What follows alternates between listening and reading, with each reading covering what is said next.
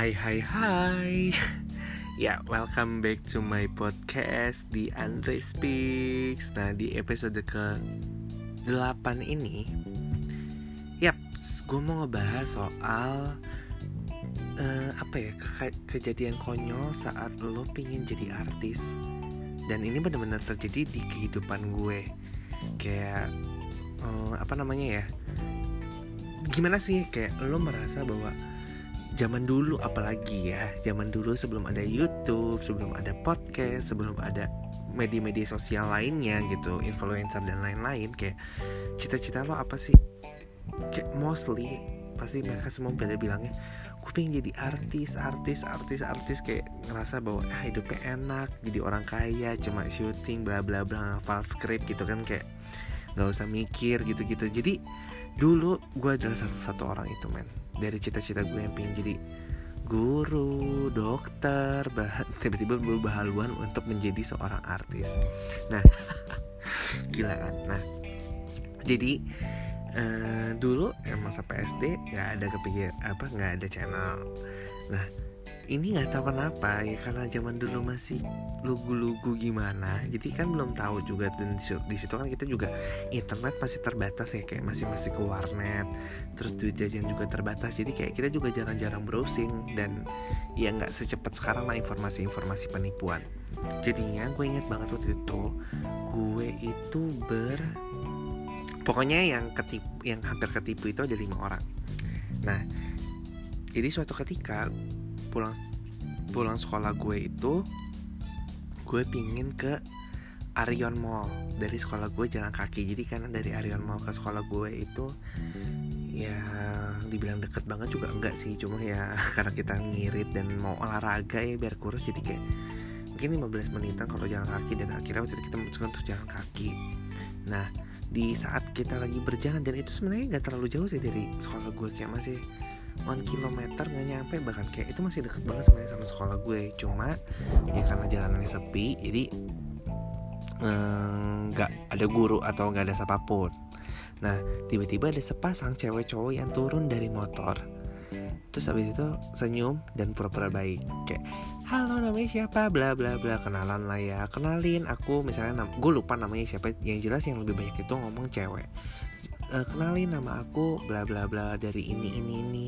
Dan dia bilang dia tuh dari PH atau agensi atau apa pun pokoknya intinya dia lagi nyari talent.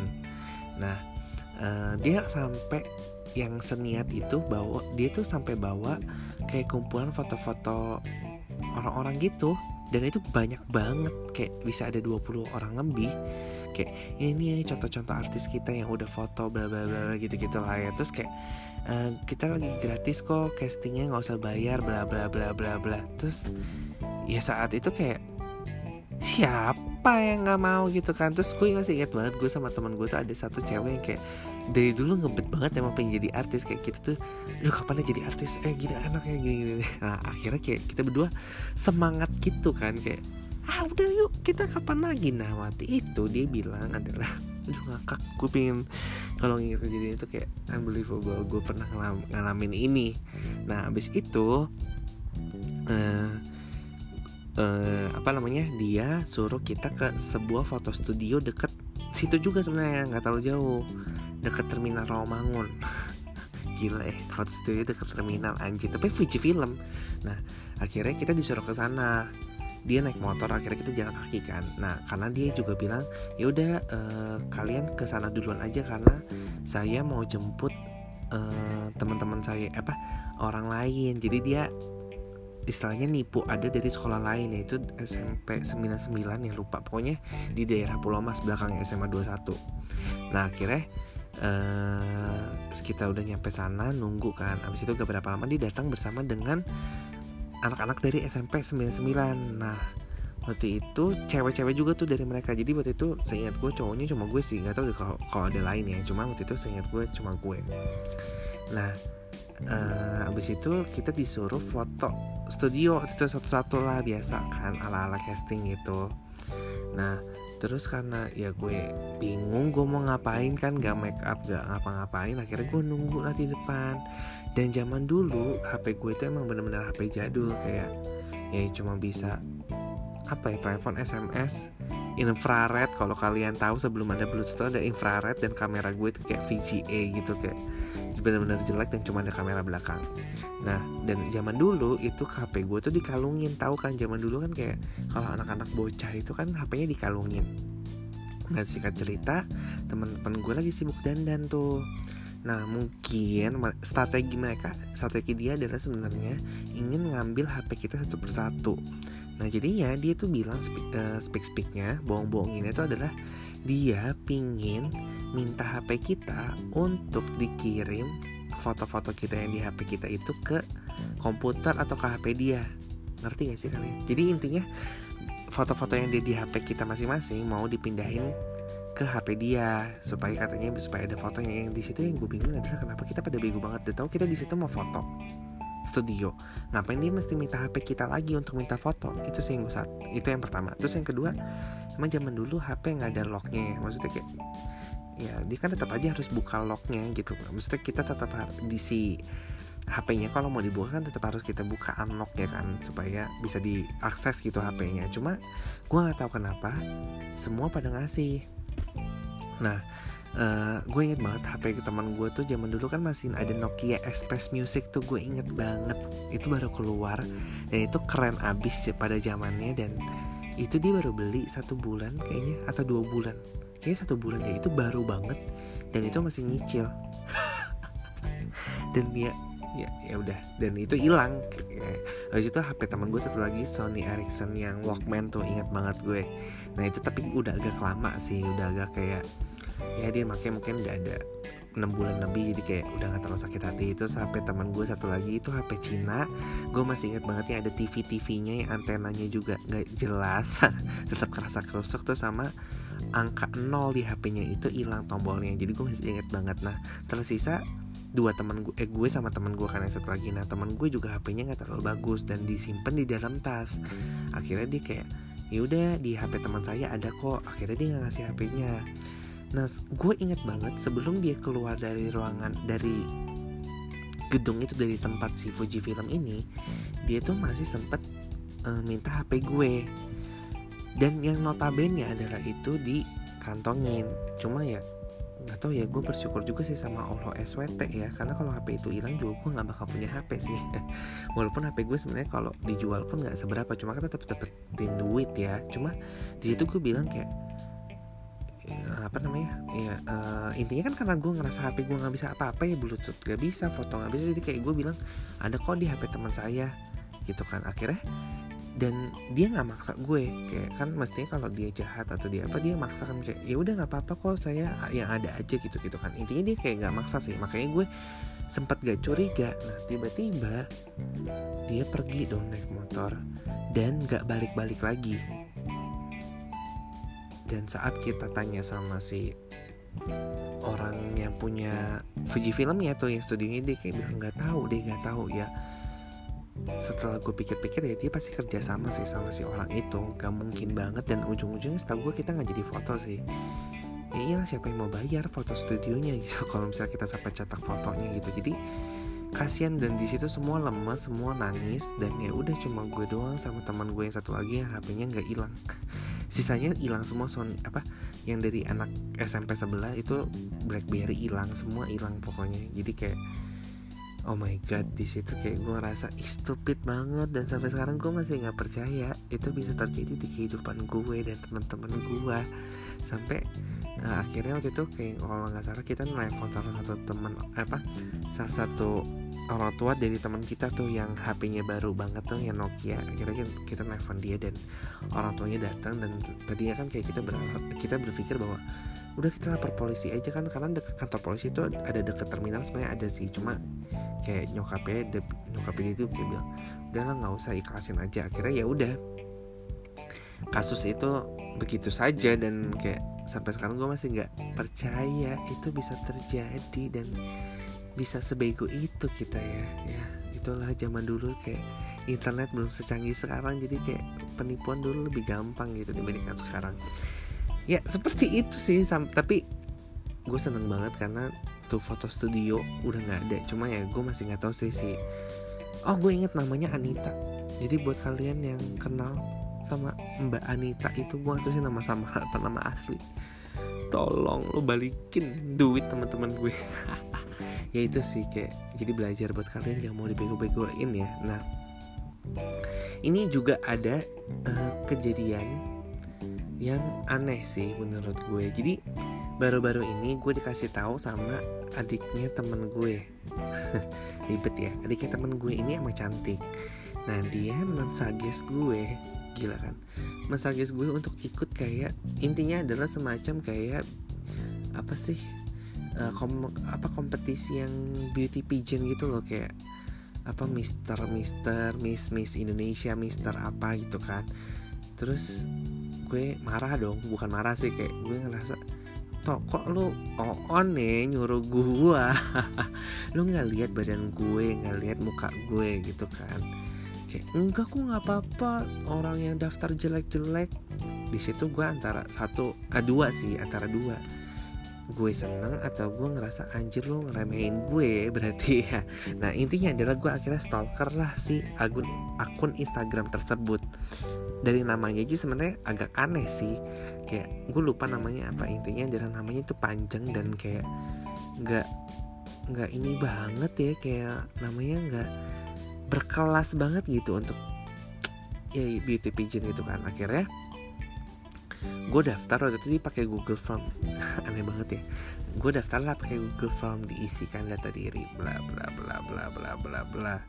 Sudah tuh kesubmit kan dan katanya nanti bakal ditelepon sama pihak mereka. Dan tiba-tiba ada yang DM gue dari pihak mereka. Uh, terima kasih sudah submit intinya adalah uh, gue disuruh bayar uang sekitar 200 atau 300 ribu untuk biaya registrasi ke tahap selanjutnya.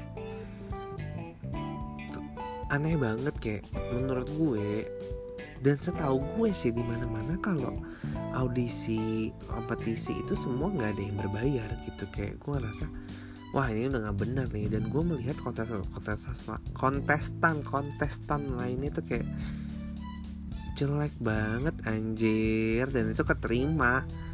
Kayak lo ngeledek gue gue nggak sebego itu kali. Akhirnya ya udah gue nggak ikutan. Karena gue ngerasa gak make sense aja gue disuruh bayar untuk ikutan. Maksudnya ibaratnya gue di situ mau cari duit kan mau cari prestasi mau dapet penghargaan. Masa gue masih ngeluarin modal? Bahkan kata temen gue yang adiknya teman gue ini kan dia udah lolos terus waktu karantina kita disuruh bayar juga juta-jutaan kayak 5 juta mungkin saat karantina katanya untuk biaya hotel dan makan dan lain-lain. Ya menurut gue karantina itu kan pasti dibiayain sama sponsor ya. Dan lo gak bakal keluar duit sama sekali. Jadi kayak menurut gue nih wah ini udah gak bener sih. Dan menurut gue bagi orang-orang yang udah daftar ke situ sih itu suatu kebodohan ya. Ya itu sih kayak gila. Jadi buat kalian menurut gue sih ya kalau misalnya ikut-ikut pigeon-pigeon itu ya udah pasti nggak bayar sih menurut gue.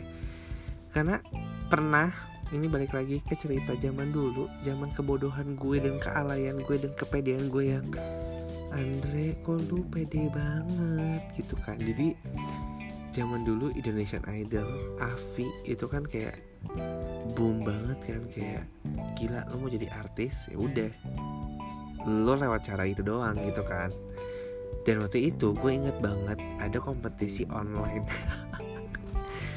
Kompetisi online yang gue berpikir bahwa ah gampang nih gitu kan. Gak usah capek-capek ke tempatnya nggak usah capek-capek ngantri gitu kan. Akhirnya waktu itu gue inget banget gue kayaknya di rumah lagi sendirian sih karena gue bisa melakukan tindakan hal seperti itu gitu kan. Dan gue masih ingat banget itu gue pakai webcam doang sih. Karena kan gue nggak punya HP yang terlalu canggih dan belum mengerti teknologi jadi kayak ya udah cuma berbasis dari laptop yang ada webcamnya gitu kan. Akhirnya gue webcam lah tuh. Gue lagi nyanyi dengan background rumah gue yang berantakan dengan baju gue yang agak compang camping sumpah. Gue kayak Andre lu udah suara lo jelek muka lo jelek rumah lo jelek baju lo juga astagfirullah itu kayak aib yang gak bakal pernah gue lupain. Nyanyi lah gue. Gue inget banget kayak durasinya itu cuma 30 detik atau satu menit gitu kayaknya paling lama. Gue inget banget gue nyanyi lagu Adera lebih indah. Gila itu kayak gue anjir gue ngelakuin ini gitu loh. Dan ya udah anda sudah tahu dong jawabannya ya. Saya pasti tidak diterima gitu kan. Tetapi yang bikin lebih sakit hati lagi adalah itu diupload ke akun YouTube-nya ya Indonesian Idol. Dan gue nggak tahu sih kayaknya sih sekarang udah dihapus. Cuma tahun 2017 saat gue kerja tuh di company gue yang lama yang apa media itu company media gue sempat viral lah gue diketawain sama seluruh orang kantor gue kayak mereka muterin lagu itu terus muterin muka gue muterin aduh sumpah itu ngakak banget. Gue tahu sih sekarang masih ada apa enggak dan gue berdoa semoga Allah menghapus video-video itu. Kayak eh, lebih baik lu upload videonya Marion Jola upload videonya Brisia Jody dibandingkan lo upload video gue gitu kan. Kayak itu aib banget. Dan kalau gue punya duit nanti gue bayar Indonesian Idol untuk men down video itu. Karena itu kalau gue jadi artis tiba-tiba itu bakal jadi video viral gue kayaknya ya. Video aib gue zaman dulu di mana gue sosok ikut Indonesian Idol. Ya Allah gue udah gak ngerti lagi deh. Jadi buat Adera mohon maaf saya sudah merusak lagu anda. Gitu mak. Gila sih itu. Gue main blowing banget. Cuma ya perjalanan emang selalu kadang di atas kadang di bawah. Cuma uh, yang gue happy banget adalah saat gue bekerja di company gue yang media itu. Karena gue di situ juga menjadi hostnya.